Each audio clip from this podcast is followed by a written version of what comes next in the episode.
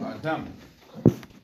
נפש אחת ולה פעולות רבות חלוקות, יקראו קצת הפעולות ההן נפשות ויחשב בעבור זה שיש לאדם נפשות רבות כמו שחושבים הרופאים, עד שפתח ראש הרופאים ואמר שהנפשות שלוש טבעית, חיונית ונפשית ופעמים יקראו כוחות וחלקים, עד שאומר חלקי הנפש זה השם ישמשו בה הפילוסופים הרבה ואינם מתכוונים באומרם חלקי שהיא מתחלקת כחלק הגופות ואומנם הם מונים פעולותיה החלוקות אשר הם נכלל הנפש כחלקים לכל המחובר מהחלקים ההם. כן, הרמב"ם פה, אם uh, נתמצת במילים שלנו את uh, העניינים שהוא מתייחס אליהם בפסקה הזאת שקראנו, הוא מתייחס נראה לי שתי נקודות. נקודה אחת זה מספר הנפשות, נקרא לזה ככה, שהוא קובע שנפש האדם היא אחת, לעומת מה שהוא מביא את אה, ראש הרופאים, שהוא סבור שיש שלוש נפשות, זו נקודה ראשונה. נקודה שנייה, שהוא מסביר לנו שכשהוא אומר שיש בנפש, או כשיש ביטויים שבנפש יש חלקים, אז הוא אומר הביטוי חלק זה ביטוי מושאל. כי היא לא מתחלקת כחלק הגופות, אבל הכוונה היא שיש לנפש פעולות שונות, לכן קוראים לזה חלקים. ככה במילים שלו אנחנו ננסה יותר קצת להעמיק בשתי הנקודות האלו שאותם הוא מזכיר. אבל לפני שאנחנו נכנסים אל הדברים של הרמב"ם, אנחנו רואים שהוא יוצא מנקודת מוצא פשוטה שיש דבר כזה שנקרא נפש. זאת אומרת, כשהוא מתייחס למציאות הזאת שהוא קורא לה נפש, זה נראה שזה ברור לו שבאדם יש מה שאנחנו קוראים גוף, ויש דבר אחר, יש דבר נוסף, שאנחנו מכנים אותו נפש. כרגע לא משנה איך אנחנו מכנים אותו, אבל לצורך העניין, ככה קוראים לו, נפש. אנחנו רוצים קודם כל לטפל בנקודת המוצא הזאת. זאת אומרת, מאיפה ברור שיש מציאות כזאת שאנחנו שכלולה במציאות של האדם, שהיא הנפש. זאת אומרת, מי אמר שהאדם הוא לא רק אה, מה שאנחנו קוראים גוף? עכשיו, בלי ספק, אנחנו לא מתכוונים פה לזה שיש אה, עוד איזשהו איבר. כי החלוקה פה היא לא לאיברים שונים. זאת אומרת, גם גוף האדם הוא, קוראים לו גוף אחד, אבל למעשה הגוף הזה הוא מורכב מבחינתנו מחלקים, ואם נחלק אותו עד לחלקיקי היסוד שלו, אנחנו נגיע אפילו לאטומים, ואפילו פחות מאטומים שמרכיבים את גוף האדם. וכשאנחנו אומרים שיש לנו נפש מ- מלבד הגוף, אנחנו מתכוונים לומר שיש לנו מציאות מסוג אחר, שהיא לא מסוג הגוף. זאת אומרת, אנחנו לא תופסים בנפש כעוד איזשהו איבר, זה בעצם פשוט במה שהוא אומר, אינם מתכוונים באומרם חלקי שהיא מתחלקת כחלק הגופות, כיוון שהנפש היא לא גוף. כלומר, יש ישות שאני קורא לה גוף, והיא יכולה לכלול הרבה מאוד פרטים, שהם מחולקים בגדול לאיברים. מלבד הישות הזאת, שכלולה באדם, יש ישות שאנחנו קוראים לה נפש. אנחנו קודם כל רוצים לשאול איך בכלל אנחנו הגענו למסקנה שיש דבר כזה, שיש דבר כזה. אז נראה באופן פשוט שהסימן לזה שיש באדם, וכמו שאנחנו רואים פה, אנחנו מדברים גם על אה, אה, בעלי חיים שיש להם את זה, ויש גם כן אה, אצל הצמחים את זה, זה הדיון של הרמב"ם בשאלה אם יש שלוש נפשות, כשהוא אומר נפש טבעית, זה הכוונה כמו שקיים אצל הצומח, כן? שיש כאלה שקוראים לזה הנפש הצומחת, ויש את הנפש החיונית, כמו שקיים אצל בעלי חיים, ויש את הנפש, מה שקוראים לזה נפשית, יש כאלה שקוראים הנפש הדיברית. זאת אומרת, גם אצל צמחים וגם אצל בעלי חיים וגם אצל בני אדם אנחנו יכולים להגדיר שיש את המושג שנקרא נפש, ואנחנו רוצים לנסות להבין מאיפה אנחנו מגיעים בכלל למסקנה שיש דבר כזה. כמובן, השלב הבא יהיה לשאול מה זה הדבר הזה. אז באופן פשוט מה שנראה שההבחנה היא בין הישויות החומריות הרגילות, שתכף נגדיר מהם, לבין יושיות, ישויות חומריות שאנחנו יכולים לראות בהן תופעה מיוחדת. ומה הכוונה שלי? אם אנחנו ניקח ישות חומרית, בואו ניקח את השולחן הזה. הישויות החומריות שאנחנו קוראים להן דומם, הן למעשה ישות, אובייקט, שמורכב מחומר. דרך אגב, בעבר היו סבורים שעולם החומר מורכב ממה שנקרא ארבעת היסודות, מים, רוח, אש ועפר. אנחנו היום סבורים שיש לנו אטומים, גם בעבר הייתה תיאוריה אטומית, היא לא התיאוריה האטומית שלנו, אבל גם כן שהחומר הוא למעשה מורכב מחלקיקים קטנים, שהם אה, מתקבצים אחד עם השני, ואז הם יוצרים את הגוף החומרי, את הישות החומרית. עכשיו בואו ננסה לבחון שתי ישויות, אחת שאנחנו נגדיר, אנחנו מגדירים, כמו שאנחנו רואים גם פה, אבל שאנחנו רואים אותה כבעלת נפש, לבין ישות שאנחנו לא מגדירים אותה כבעלת נפש. מתוך זה אנחנו נצליח לנסות להבין מאיפה הגיעו למסקנה בכלל שיש דבר כזה שנקרא נפש. כי ההתבוננות מראה שישנן ישויות חומריות, רגילות, נקרא לזה דומם, שהישויות האלה, אנחנו לא נמצא בהן לא תנועה עצמית, זאת אומרת, אם אנחנו אה, נראה את הישויות החומריות הדוממות, אם נראה את הדבר הדומם נע ממקום למקום, לדוגמה, אנחנו נראה אותו נע מכוח כוח חיצוני שפועל עליו. השולחן הזה לא יזוז מהמקום, אלא אם כן יהיה משהו אחר שמזיז אותו, מניע אותו. זאת אומרת, אם יהיה אדם שמניע אותו, בעל חיים שמניע אותו, כוח טבע שמניע אותו, רוח שמניע אותו, או כל משהו אחר. זאת אומרת, ישיות חומריות מהסוג הזה, אני כבר קורא להם בשם, כי אנחנו קוראים להם היום בשם שנקרא דומם. הישויות החומריות הדוממות, בדרך כלל אנחנו לא נמצא אצלהם כוח של תנועה עצמי. אנחנו נמצא בהם כוח של תנועה שהוא בא מכוח חיצוני שפועל עליהם. למה הרב עושה בדרך כלל? בדרך כלל כי אני זהיר. כי אם תמצאו לי איזו ישות חומרית שהיא... יש בה כן איזושהי דינמיות ונתווכח אם זה כן משתלם כבר, איך תגדירו אש לדוגמה? לא יודע. הרי היא כן מרצדת ממקום למקום. אז uh, כדי שלא תקשו עליי אז אני זהיר. אבל אני חושב שיש פה נקודה אחרת יותר מהותית. בישויות החומריות הרגילות אנחנו לא נמצא התרבות. זאת אומרת, ישות שהיא דומם היא סטטית. יכול להיות שהיא יתווסף לא רק מצד התנועה, שאין לה תנועה עצמית, אלא רק מכוח דבר חיצוני, אלא ישות שהיא דומם, אנחנו לא נמצא אצלה התרבות. אנחנו נוכל למצוא אצלה תוספת חומר שנוסף עליה, יכול להיות, כן? אם יהיה לנו גוש, לדוגמה, של עפר, יכול להיות שאם הרוח עכשיו אה, תדביק פה עוד כל מיני חלקיקי עפר, או אדם יבוא וידביק חלקיקי עפר אל הגוש החומרי הזה, אז הוא יצמח והוא יגדל. אצל הישויות מהסוג השני, כן, אם ניקח לדוגמה את הצמח, אנחנו נוכל למצוא התרבות בשני מובנים. אחד, זה התפתחות בגודל, הוא גדל והולך, כלומר, נוסף אצלו איזשהו תוספת שנראה שזה לא מכוח איזשהו דבר חיצוני לו. אנחנו לא מוצאים מישהו שהדביק על הצמח עוד חלקים בגזע, ואף על פי כן הגזע התעבה. זה התרבות במובן האחד, אבל יש התרבות הרבה הרבה יותר מחודשת, שבעצם הוא מוליד, הוא מצמיח יצורים או ישויות שהן דומות לו, אחרות ממנו. זאת אומרת, זה כוח ההולדה. הוא יכול להיות פרה. ככה אנחנו מוצאים אפילו בצמחים את התכונה הזאת. זאת אומרת, לא אמרתי שהוא עושה את זה רק מכוח עצמו, הוא גם נעזר. לדוגמה, בצמח אנחנו יודעים שהוא מוליד את אה, חלקיקי הזרע, אבל אחר כך הרוח מפזרת אותם. ואז אה, על ידי אינטראקציה עם הקרקע ועם האוויר ועם השמש, אז יש איזשהו צמח חדש שהולך וצומח. אבל ההתחלה של התהליך הזה, של ההתרבות, הייתה מכוח הצמח עצמו, זה קם אפילו בצמח.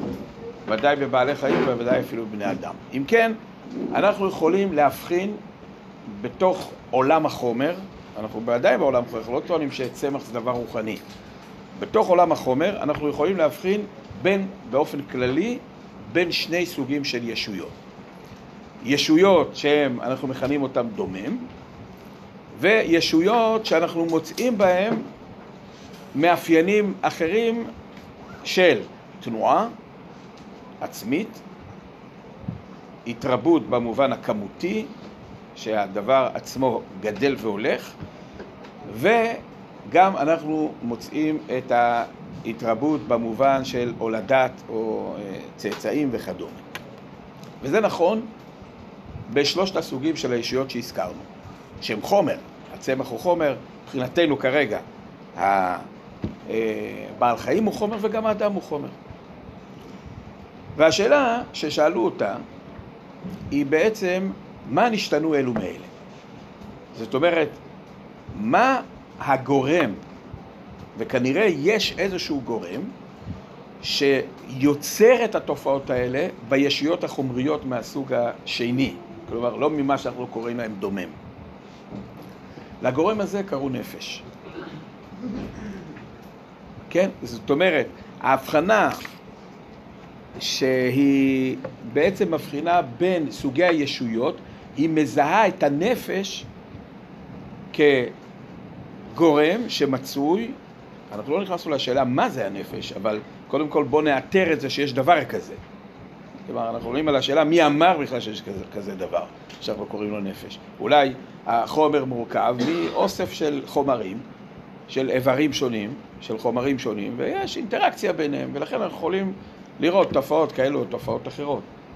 אבל מה שהביא את המסקנה שיש גורם שהוא, נגדיר אותו מסוג אחר, אני לא יודע איך, איך עד כמה הוא מסוג אחר, זה תכף אנחנו ניכנס לשאלה הזאת, שמצוי בחלק מהישויות החומריות שיוצר בהם את התופעות האלו שאמרנו.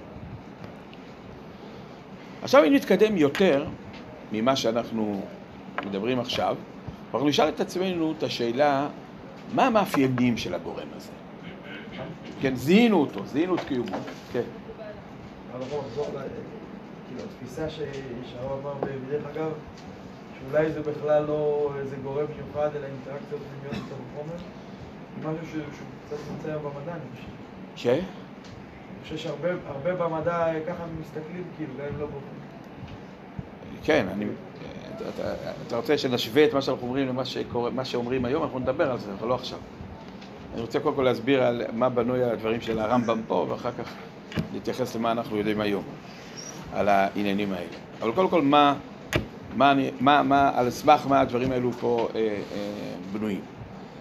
זאת אומרת, אנחנו מבחינים בין, אם עכשיו נתקדם במינוחים, בין ישויות שאנחנו קוראים להם שיש בהם את הגורם לזה, זה, זה קראו בעלי נפש, ישות בעלת נפש, שלצורך העניין אנחנו כוללים את שלושה הסוגים של החומר, הצומח, החי והאדם, שמבחינתנו כרגע הם ישות חומרית שיש בה תופעה מיוחדת, שיש בה איזשהו גורם, שגורם כנראה לתופעה הזאת. והשלב הבא זה לנסות להבין מה המאפיינים של הגורם הזה. זאת אומרת, ממה הוא עשוי, נקרא לזה ככה, בוא נתחיל מזה. זאת אומרת, מה הוא פועל, אנחנו יודעים מה הוא פועל. הוא פועל את התופעות האלו שאנחנו רואים, הוא פועל את הדינמיות של החומר. זאת אומרת, למרות שהחומר בטבע שלו הבסיסי הוא דומם, דרך אגב, ההגדרה הזאת שאני אומר שהחומר בטבע שלו הבסיסי דומם היא לא הגדרה אה, מדויקת לפי התפיסה של המדע העתיק. הרי אה, במדע העתיק, כשיש לנו את ארבעת החומרים האלו שאמרנו, האש, הרוח, המים והעפר, אני אומר שוב, מבחינתי זה לא שונה מאטומים. כן, זה לא שונה, זו תפיסה שונה מבחינת הרכיבים הבסיסיים, אבל ברעיון זה רעיון מאוד מאוד דומה. התפיסה הייתה שלחומרים היסודיים האלה, כן, לאש היסודית, לעפר היסודי, כן, יש להם איזושהי אה, דינמיקה של אה, אה, התנהלות. או של התנהגות. זאת אומרת, אתם תוכלו למצוא את הביטויים האלה אצל אה, ראשונים, שהאש עולה למעלה והעפר יורד למטה. כן, וזה בנוי בצורה כזאת שיש לנו את העפר שהוא הכי למטה, ועל גביו את המים, ועל גביו את הרוח, ועל גביו את האש. עכשיו, זה שזה מסודר בצורה כזאת, בגלל שזה סוג של אה, דינמיקה של התנהלות שקיימת בחומרים, שאנחנו קוראים להם החומרים היסודיים. זאת אומרת, גם בחומר הדומם, שאנחנו קוראים לו דומם, יש בו איזושהי אה, אה, תכונה, נקרא לזה ככה, או מאפיינים של התנהלות מסוימת. כן, אז החומר הדומם הוא לא, הוא לא נטול אה, תכונות ונטול, אה, אה, אפשר לקרוא לזה תנועה או התנהלות באופן כזה או באופן אחר. רק מה שאנחנו אומרים, שאחרי כל זה, בכל אופן, כשאנחנו בודקים את הישויות החומריות, אנחנו עדיין יכולים ליצור את ההבחנה הזאת בין מה שקראנו לזה הישויות שיש בהן איזושהי דינמיקה שאנחנו לא רואים בישויות האחרות. כן, אנחנו במילים שלנו כבר קוראים לזה הישויות הדוממות, ישויות בעלות הנפש, לסוגיהן. ועכשיו אנחנו רוצים לשאול על השאלה של הגורם הזה. מהו? כלומר, אחרי שזיהינו את קיומו של הגורם הזה, אנחנו רוצים לשאול מה, מה, ה, מה המאפיינים של הגורם הזה. האם הוא עוד סוג של חומר? האם הוא עוד סוג של חומר? האם, האם הוא לא עוד סוג, יכול להיות שהוא סוג חדש של חומר, כלומר, חוץ מארבעת היסודות האלה אולי יש אה, חומר נוסף. דוגמה בפילוסופיות העתיקות, אז היה ש... שיש חומר נוסף. הכוכב... הגלגלים, פי התיאוריות העתיקות, היו עשויים מחומר מסוג אחר. זאת אומרת, יש את ארבעת החומרים שבהם מורכב כדור הארץ אה, והסביבה שלנו, מה שנקרא תחת גלגל הירח. ויש את הגלגלים עצמם שהם אסורים מחומר מסוג אחר. זאת אומרת, זה חומר, אבל במאפיינים אה, אחרים מאשר החומרים שאנחנו מכירים. אז אולי הגורם הזה הוא, הוא גם כן סוג של חומר, אולי הוא מהחומר המדובר, מארבעת החומרים הידועים לנו. ארבעת הרכיבים של עולם החומר, רק אה, יכול להיות שהוא מאוד עדין, החומר הזה. ואולי הוא בכלל לא חומר. זאת אומרת, אולי הסיבה הגורמת לתופעות האלה בחלק מהישויות החומריות, מה שקוראים להם בעלי הנפש, אולי הנפש הזה הוא בכלל לא מסוג החומר. אולי הוא ישות שהיא אה, רוחנית, שהיא חומר. פה אנחנו נדרשים, כן, אז אם כן, אנחנו יכולים להציע שלושה מודלים אפשריים. אולי מדובר בישות שגורמת לתופעות האלה, הישות, מה שקוראים לזה הנפש, לא משנה כרגע איזה שם אנחנו נקרא לזה. אבל הישות הזאת שאנחנו מכנים אותה נפש, אולי היא עשויה מחומר, אבל זה קצת, יהיה קצת מוזר לנסות להבין איך, איך אז, אז מה נשתנה? זאת אומרת, למה אה, חומר רגיל, נקרא לזה ככה, הרי, הרי זה לא עוד איבר כנראה, כי עוד איבר הזה מסוג החומרים הרגילים, אז לא היינו יכולים לראות בה את התופעה הזאת. כן? אז אה, בלשון הראשונים אתם יכולים למצוא ביטויים כמו חומר עדין. עכשיו, מאיפה הם המציאו את זה שיש חומר עדין? הם התכוונו לומר, זה מאחד מארבעת החומרים, אבל במצב מעודן שלו. זאת אומרת, נניח שיש לנו עפר, אבל יש איזשהו מצב צבירה של העפר שהוא מעודן יותר מהעפר שאנחנו מכירים. אש יותר מעודנת מהאש שאנחנו מכירים. זאת אומרת, זה עדיין בתוך ה... אה, אה, מסוג החומרים שאנחנו מכירים, אבל באופן מעודן יותר. למה הם הגיעו למסקנה שהוא מעודן יותר? כנראה, כלומר, כלומר, צריכים להגיד שהוא מסוג אחר מעצם זה שאנחנו אומרים שיש פה תופעה שלא קיימת ב- בישויות הדוממות, אז יש פה איזה גורם נוסף שהוא לא מה, מה, מהרכיבים הרגילים שקיימים בדומם. אז כשאתה מסתכל על הצמח ואתה מסתכל על, ה, על החלקיקי החומר הגסים שלו, אתה לא רואה פה סיבה שזה יקרה יותר מאשר בשולחן, אז למה זה קורה שם ולא קורה בשולחן? אלא כנראה הסיבה הזאת שיוצרת את התופעה הזאת היא מסוג אחר. אבל אז או שזה חומר עדין, או שזה חומר מלגמרי מסוג אחר, חומר חמישי נקרא לזה, או שישי, לא משנה כרגע. אם הגלגלים זה חומר חמישי, אז זה יהיה חומר שישי. או שזה משהו רוחני. ופה אנחנו נדרשים לשאלה מה ההבדל בין, בין חומרי לרוחני? אנחנו אומרים שיכול להיות שזה משהו רוחני. זאת אומרת, מה המאפיינים של הישות החומרית? יחסית לישות רוחנית, אנחנו מציעים את האופציה שזה רוחני. אבל שוב, מה שחשוב לנו, כדי שנבין את מה שאנחנו אומרים, אנחנו קודם כל טיפלנו בשאלה מאיפה זיהינו שיש עוד דבר שאנחנו קוראים לו נפש, מעבר לעוד סוג של איבר, ואולי זה אורגן שיש פה דינמיקה מסוימת. זה הצבענו על שלושת התופעות האלו שאנחנו מוצאים אותן, אפילו בצומח, את התנועה העצמית, את הגידול ואת ההתרבות. לא ייחסנו את זה לחומר הרגיל שאנחנו מכירים, כסיבה שיוצרת את זה, כיוון שהחומר הרגיל, אם הוא בכוחו ליצור את זה, אז למה לא מצאנו את זה בישויות שהם כולם עשויים מהחומר הרגיל?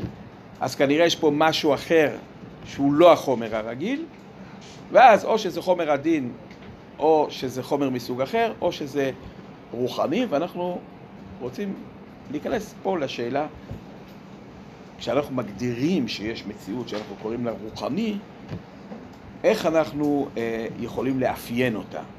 איך אנחנו מזהים בכלל שיש דבר כזה שנקרא אה, רוחני יחסית לדבר אה, חומרי?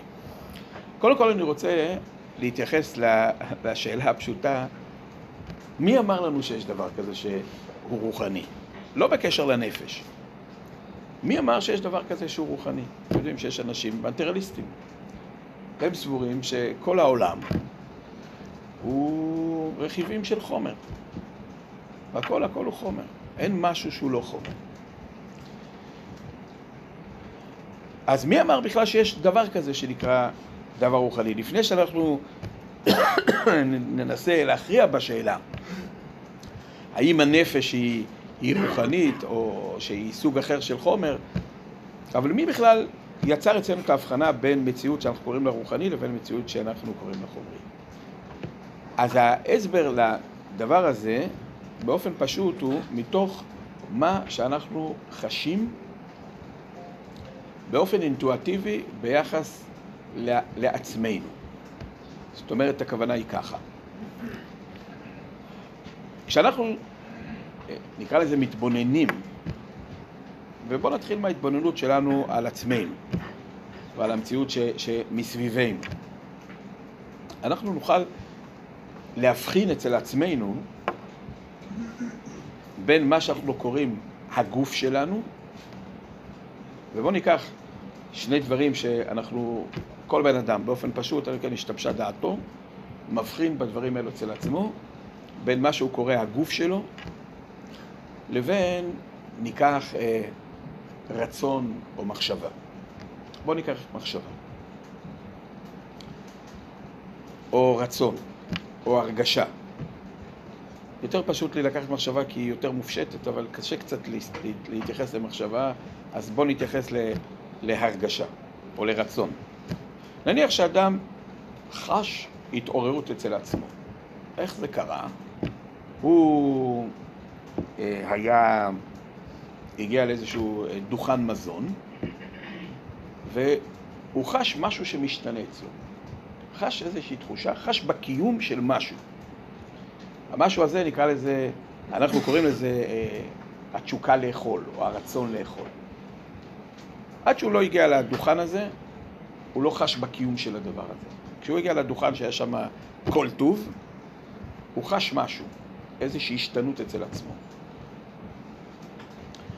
כשאדם בשכל פשוט מתבונן על הדבר הזה, שאין לו ספק בקיום שלו, זאת אומרת, כיוון שהוא צובט את עצמו וברור לו שהוא לא חולם, אז זה פשוט לו שקרה פה משהו אצלו. משהו השתנה אצלו. לפני שהוא הגיע לסביבה הזאת, הדבר הזה שאני קורא לו הרצון או התשוקה לאכול, לא היה קיים. אחרי שהוא הגיע לסביבה הזאת, עכשיו זה קיים, זה נוכח. האמת היא, הוא לא יוכל לשכנע כנראה אף אחד בעולם חוץ מאת עצמו, שזה באמת מה שיש כאן. זאת אומרת, אתה מסתכל מבחוץ, לא יוכל אה, להיות מודע לזה. זאת אומרת, אתה מסתכל מבחוץ, רואה שהגוף של ראובן הגיע בסמיכות לדוכן המזון. זה כן. זה המסתכל מבחוץ גם כן משוכנע. כמו שראובן משוכנע גם בעובדה הזאת שהגוף שלו הגיע לפה. אני לא נכנס כרגע לשאלה איך הגוף הגיע לפה, אבל זה ברור שלו, וזה גם ברור לאדם שעומד מבחוץ. אבל לראובן ברור עוד דבר. לראובן ברור שיש פה עוד איזושהי התרחשות שקורית. כשאדם מבחוץ לא יכול, אה, הוא יכול לשער אותה, דרך אגב, האדם מבחוץ יכול לשער את זה רק בגלל שתי נקודות מוצא. אחת, שגם הוא חווה חוויה כזאת, כנראה, והוא גם, והוא משער שהוא וראובן חווים חוויות דומות. זאת אומרת, אם לדוגמה היה, הייתה מגיעה מכונית מול הדוכן הזה, אז אותו אדם שנמצא לא משער שאצל המכונית יש איזושהי השתנות, כי המכונית לא דומה לו, אבל ראובן כן דומה לו, אז הוא משער, אבל הוא באמת לא פוגש את ההתרחשות הזאת, רק ראובן פוגש את ההתרחשות הזאת. ההתרחשות הזאת, שאנחנו חווים אותה בתור רצון, רגש, מחשבה, כל ההתרחשויות האלה, יש לנו ודאות בקיום שלהם. האם כשאנחנו חווים או תופסים את המציאות שלהם, כשאנחנו שואלים את עצמנו מה הם ההתרחשויות האלה, לא על עצם הקיום שלהם, אין לנו ספק בקיום שלהם, הן קיימות, אבל האם כשאני נפגש עם התרחשות או עם מציאות שאני קורא לה רצון, מציאות שאני קורא לה מחשבה, מציאות שאני קורא לה רגש, דמיון וכולו, כן? כל המציאויות האלה. האם מבחינתי המציאויות האלה זה כמו השולחן? האם מבחינתי המציאויות האלה הם כמו הגוף שלי? האם אני מתייחס אליהם, האם אני קולט אותם, אני תופס אותם במושגים שלי, שזה בעצם הגוף שלי, שזה אברי הגוף שלי? או שיש לי איזושהי, איזושהי אינטואיציה או איזושהי הכרה, נגדיר את זה ככה, שאומרת לי, תשמע, כל המכלול הזה שאמרת, אמרת רצון, אמרת אתה חש את הרצון, אתה חש את המחשבה, אתה חש את הרגש וכולו, אתה חש דבר שהוא קיים, אין לי ספק בקיום שלו, אבל גם זה די ברור לי שהמציאות שלו והקיום שלו הוא מסוג אחר מאשר השולחן הזה והכיסא והחדר ואפילו מאשר הגוף שלי. ואפילו מאשר הגוף שלי. זאת אומרת, המודעות שלנו לחלוקה בין ישויות שאנחנו נקרא להן לצורך העניין רוחניות לעומת ישויות חומריות היא מוטמעת בתפיסה שלנו, בהכרה שלנו.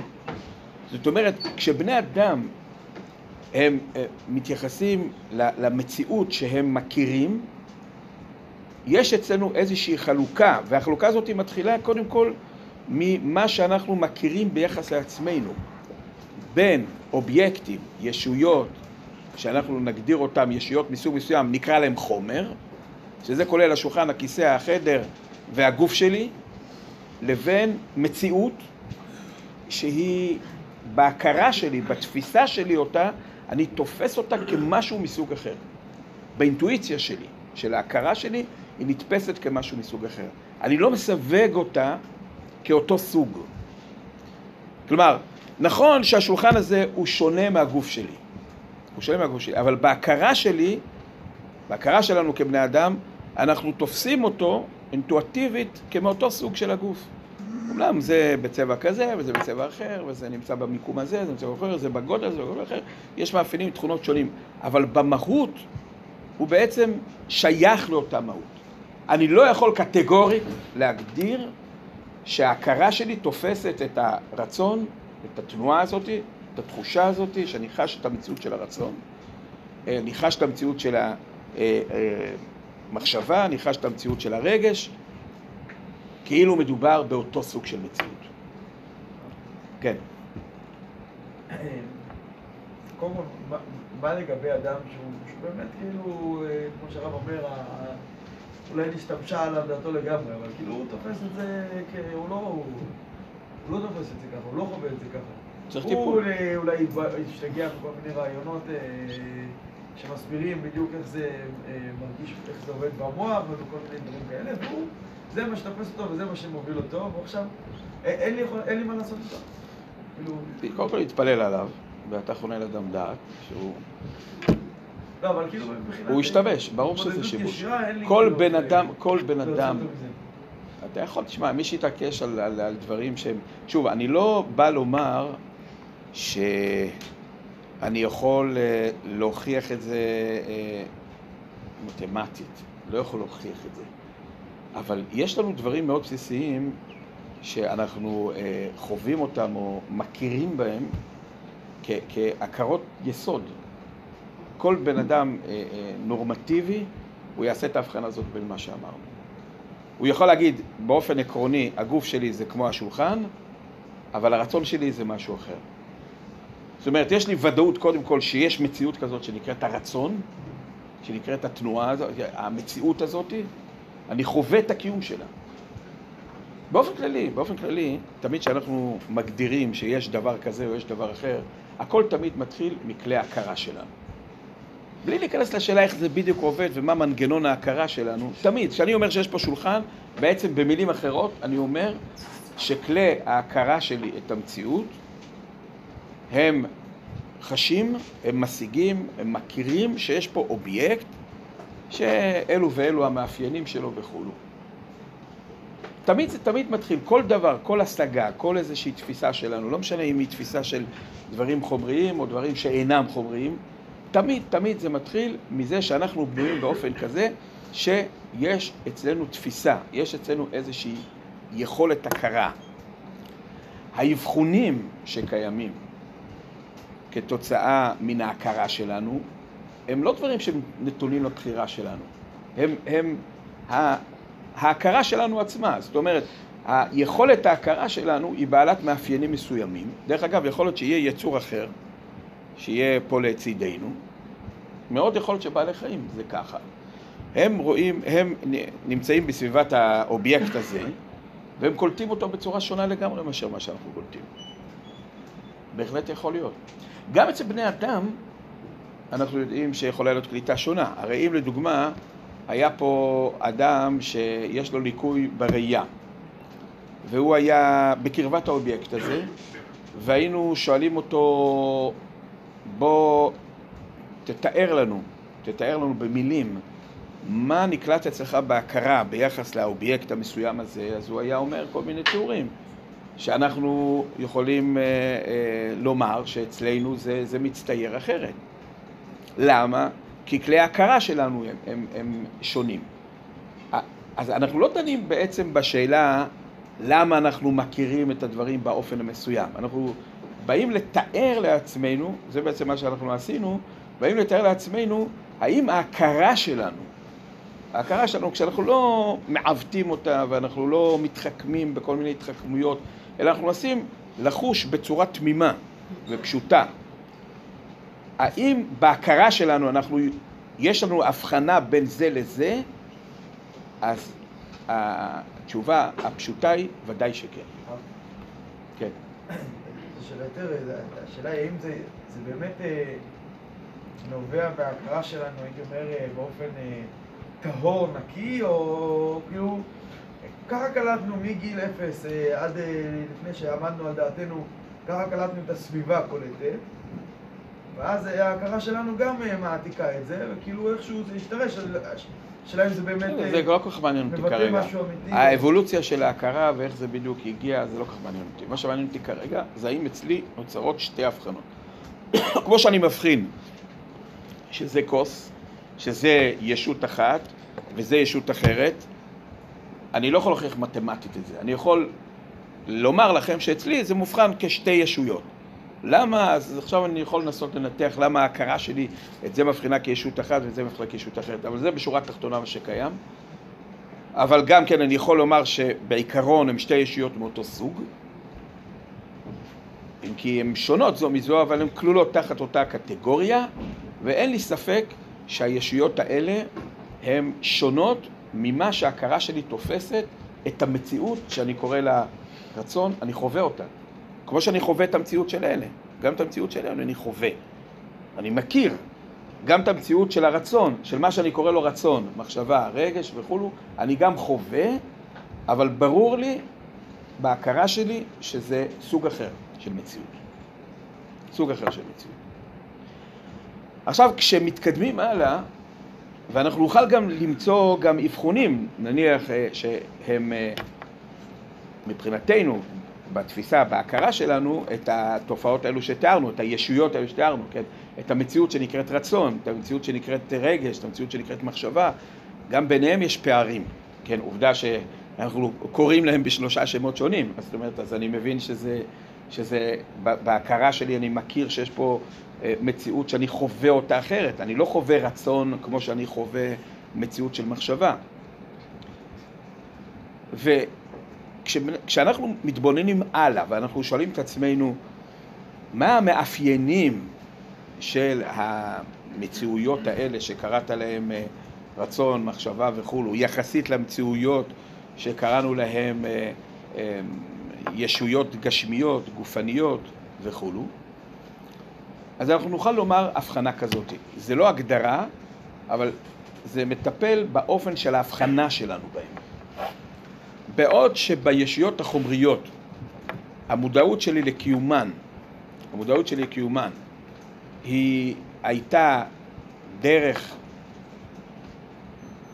המפגש, ששוב, אני אומר אותם בכותרת, אבל זה מפגש מסוים שאני קורא לו מפגש חושי, אני חש אותם דרך כלי התחושה שלי, המפגש שלי עם הישות האחרת, נקרא לזה ככה, שקיימת אצלי, שזה הרצון, המחשבה וכולו, וההרגשה, זה לא דרך אה, אותו כלי. יש לי ודאות בקיום של זה, גם זה לא מצטייר אצלי כאותו דבר. זה לא מצטייר אצלי כאותו דבר. זאת אומרת, הישויות החומריות, הישויות שאני קורא להן הישויות החומריות, אני נפגש איתם דרך החושים שלי, ויש לי ציורים מסוימים שנוצרים אצלי, רשמים מסוימים. יש לי רושם שאני קורא לו מראה, יש לי רושם שאני קורא לו טעם, יש לי רושם שאני קורא לו מישוש, כלומר תחושה, יש לי רושם שאני קורא לו ריח, ויש לי רושם שאני קורא לו צליל. זה רשמים מסוימים. כשאני חווה את המפגש עם הרצון וכולו וכולו, אני לא חווה אף אחת מהחוויות האלה. אף אחת, אבל אף אחת מהן. לא חוויה של ראייה, לא חוויה של טעם, לא חוויה של ריח, לא חוויה של מישוש, ולא אה, חוויה של... אה, אה, מה לא הזכרתי? מראה, צליל, כן, קול. אני ודאי בהכרה שלי במציאות שלהם, אבל אף פעם במפגש איתם, עם המחשבה, עם הרצון וכולו, לא חוויתי אחת מן החוויות שתיארתי מקודם. זה לא הגדרה, דמאות, אבל זה אבחון בתוך ההכרה שלנו באופנים של ההכרה או של התחושה של הישויות החומריות יחסית לישויות האחרות. כרגע אני לא אקרא להם שם, אבל יחסית לישויות האחרות. עוד דבר שמבדיל בין הישויות האלה, זה שאת הישויות שאנחנו קוראים להן, שאני קורא להן הישויות החומריות, מלבד מה שאמרנו, שאני חש אותן ב, ב, ב, בתחושות שתיארנו מקודם, למעשה אין הבדל עקרוני ביני לבין אדם אחר בתפיסה שלהם. אין הבדל עקרוני, זאת אומרת, אם יהיו שני בני אדם שנמצאים באותם תנאים בדיוק, באינטראקציה עם הישות שאני אקרא לה חומרית, הם, הם יחוו את, את אותה ישות. לעומת זאת, כל מה שתיארנו שהוא הרצון, המחשבה, הרגש, אין שום אפשרות, לפחות אצל בני אדם נורמליים שאנחנו מכירים, שתהיה להם אפשרות אה, להכיר במה שאני חווה בקיום של העניינים האלו אצלי. אל תקשו עליי מהארי הקדוש ומכל מיני, לא יודע. אני מדבר על אנשים רגילים ביכולות הכרה רגילות. הם יכולים לשער, הם יכולים לשער, וזה מה שגורם גם איזשהו קשר בבני אדם, אבל הם לא חווים את זה. זאת אומרת ששנינו מסתכלים על הכוס הזאת, בהחלט יכול להיות ששנינו חווים בדיוק את אותה חוויה. בדיוק את אותה חוויה. שנינו מכירים במציאות של הכוס הזאת. לעומת זאת, כשאני אומר לכם עכשיו שיש לי איזשהו רצון מסוים, אין לכם שום אפשרות, שוב, אמרתי, יש אה, כל מיני דברים שהם לא המדרגות שלנו, אבל מדרגות נורמטיביות, אין שום אפשרות שאתם תבואו במגע עם הדבר הזה. הן נמצאות ברשות היחיד שלי. זה גם עוד סימפטום, עוד מאפיין שלהם.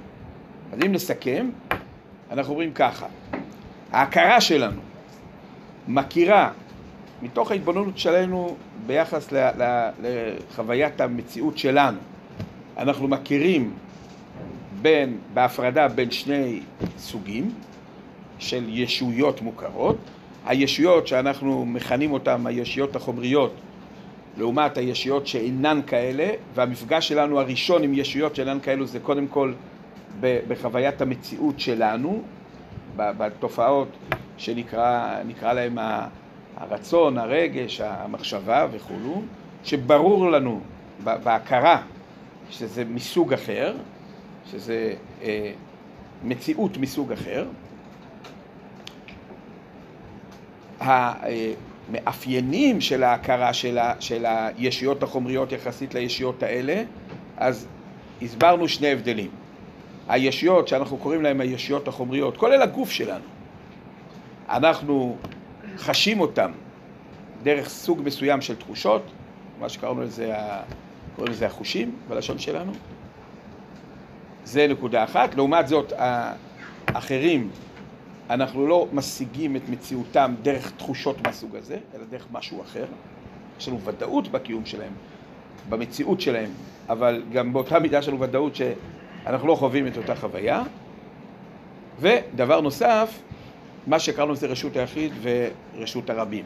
זאת אומרת, ביחס לישות החומריות, באופן עקרוני, אנחנו לא רואים מגבלה עקרונית שגם בני אדם אחרים יוכלו לקלוט, להשיג, להכיר במציאות הזאת כמו מישהו אחר, לעומת המציאות שקראנו לה הסוג השני של המציאות, ששם האדם יש לו ודאות בקיומה ובאופן פשוט, בדרך הנורמטיבית של העולם, רק הוא מודע לקיום של המציאות הזאת. כן. הרב הגדיר את הזכויות הרוחניות בתור תופעת לוואי של המפגש דרך הכרה שלנו.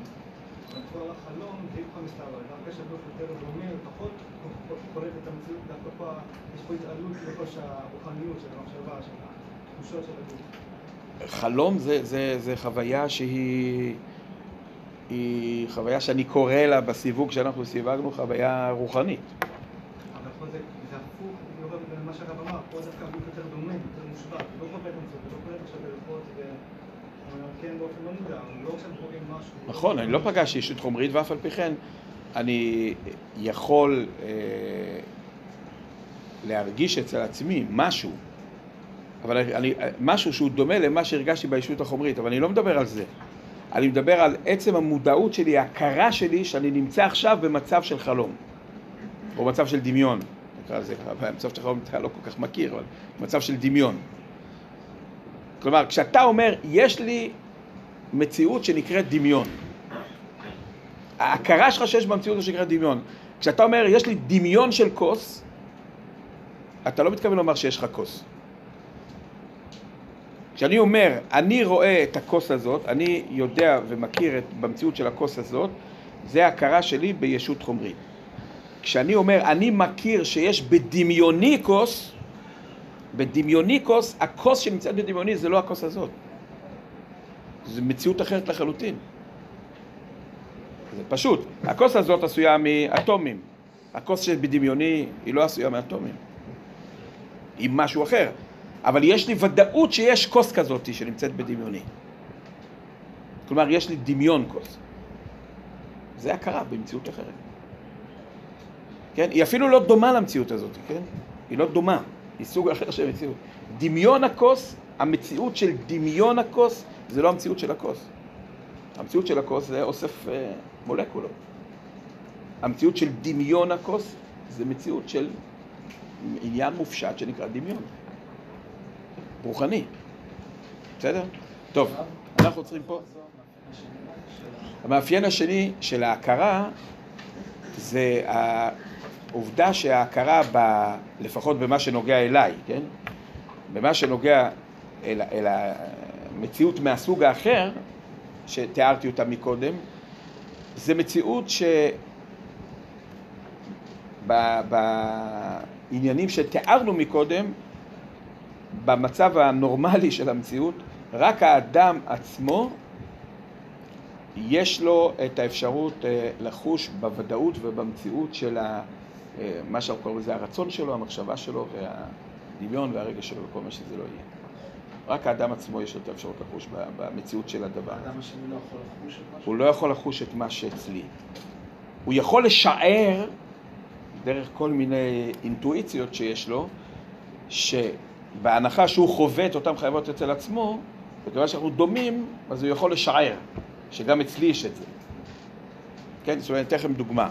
נניח שמישהו יתפוס את הכוס הזאת, עכשיו היא כבר קרה, אבל אה, הוא היה שואל אותי, תגיד, מה אני מרגיש? הייתי אומר לו, אתה מרגיש שזה חם. זה שהייתי אומר לו שהוא מרגיש חום, זה לא בגלל שאני קולט שהוא מרגיש חום כמו שאני קולט שיש פה כוס. זה בגלל זה חשבון שאני עושה. כי אני, אם אני נוגע בכוס הזאת, אני מרגיש חום. דרך אגב, הוא לא יודע שאני מרגיש חום. כמו שאני לא יודע שהוא מרגיש חום. רק כיוון שהוא דומה לי, ואני משער שכנראה אנחנו חווים חוויות דומות, אז דרך אגב, אם לדוגמה יתברר לי שיש לו איזה בעיה בתחושות, מאיזושהי סיבה, נניח שיש לו ליקוי במערכת העצבים פה, וזה ברור לי שזה משפיע על התחושה שהוא יחוש, אז אני אגיד שהוא לא חש חום. אבל שוב, זה הכל השערות, דרך כל מיני חשבונות שאנחנו עושים. אבל אני לעולם לא יכול לחוש, להשיג, להכיר את מה שהוא חש. זה שלו. עכשיו, זה לא שזה לא מציאות. אני לא אומר שזה מצוי בדמיון שלו, זה מצוי... זה מציאות, אבל זה מציאות שמי שחווה אותה ביחס לתופעות האלו שתיארנו, זה רק האדם שהתופעות האלה מתייחסות אל המציאות שלו. בסדר? בעזרת השם. אנחנו עוצרים פה?